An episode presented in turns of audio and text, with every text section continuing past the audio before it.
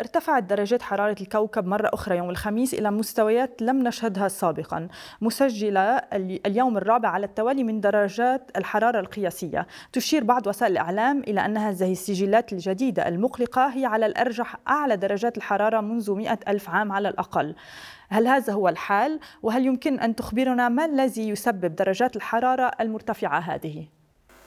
نعم نشرة المنظمة العالمية للأرصاد الجوية التي آه، تم نشرها اليوم آه، تشير إلى أنه تم قياس أعلى آه، درجة حرارة ليوم حزيران لشهر حزيران على المستوى العالمي.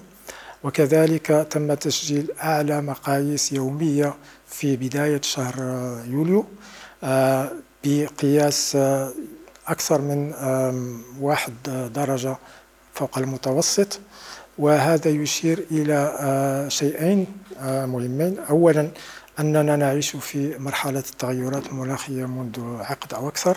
وهذه التغيرات المناخية تؤثر بطبيعة الحال على القياسات على مستوى الشهر أو على مستوى اليوم. ثم كذلك آه، اليوم نعرف أننا في ظاهرة إلنينيو التي بدأت قبل شهر. وهذه دائرة النيونيو تساعد كذلك على احترار آه، الكوكب الأرض بالإضافة إلى الاحترار الذي تسببه غاز ثاني أكسيد الكربون.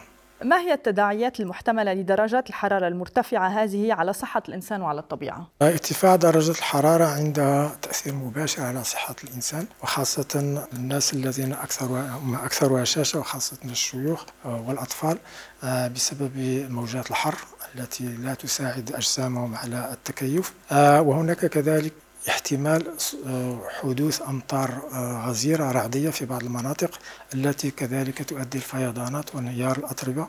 وهذه كلها تؤدي إلى مع الأسف وفيات وكذلك تهجير آلاف بل أقول في بعض الأحيان ملايين آه، البشر من منطقة إلى أخرى وداخل البلد. كيف تساعد الأمم المتحدة في حماية الناس وخفض درجات الحرارة العالمية؟ وما مدى قلقك بشأن تأثير هذا الصيف على الأشخاص الضعفاء في شمال الكرة الأرضية؟ منظمة الأمم المتحدة عندها ميكانيزمات في إطار التغيرات المناخية وأحسن هذه الميكانيزمات هو آه، المؤتمر الدولي للتغيرات المناخية الذي ينعقد سنويا. آه، خلال هذا المؤتمر تحاول الأمم المتحدة لجلب جميع الأطراف حول اتفاق معين لتغيير السلوكات وخاصة فيما يخص انبعاث الغازات ثاني أكسيد الكربون وما شابه. آه هذا في إطار يعني تحديد كرة حرارة كرة الأرض فيما آه، بين 1.5 إلى 2 درجة مئوية قبل نهاية آه، هذا القرن.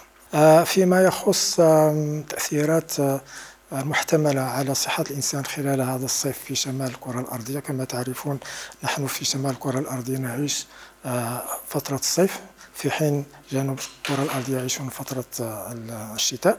ف في شمال الكرة الأرضية هناك أكثر الناس يعني الساكنة في شمال الكرة الأرضية وهناك كذلك أكثر الدول التي تعاني يعني تأثيرات من طرف تأثيرات مناخية وأخص بذكر الدول السائرة في طريق النمو.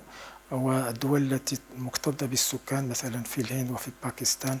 بالإضافة كذلك إلى منطقة الدول العربية التي تشهد كذلك من فينة إلى أخرى ظواهر الجفاف وظواهر الحرارة الشديدة حيث بلغت في بعض الدول أكثر من 50 درجة في منطقة الشرق الأوسط وهذا له تأثيرات بالغة على صحة الإنسان هناك إحصائيات تشير إلى ارتفاع عدد الوفيات بسبب هذه الموجات الحارة ما الذي يمكن أن نتوقعه للعام المقبل؟ نحن آه، في بداية ظاهرة النينيو آه، والعلماء يعرفون أن آه، النينيو هو بين سنتين السنة الحالية 2023 والسنة المقبلة 2024 حيث ظاهرة الإنينيو تغلب تصل إلى مداها.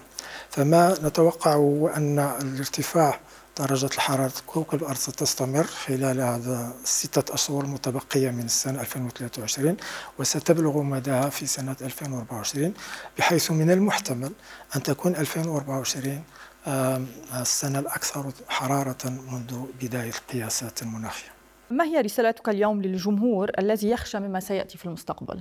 الجمهور هو كذلك فاعل في مسألة التغيرات المناخية عبر تغيير السلوكات الاستهلاكية في المنزل وفي في الحياة اليومية. فنحن نعرف أن والعلماء متفقون على هذا أن انبعاثات آه، الغازات الاحترارية هي السبب الرئيسي في احترار الكوكب. والغازات آه، وانبعاث الغازات إنما تصدر عن طريقة حياتنا من من الحياة في المنزل آه، الكهرباء التي نستعملها وكذلك السيارات التي نستعملها.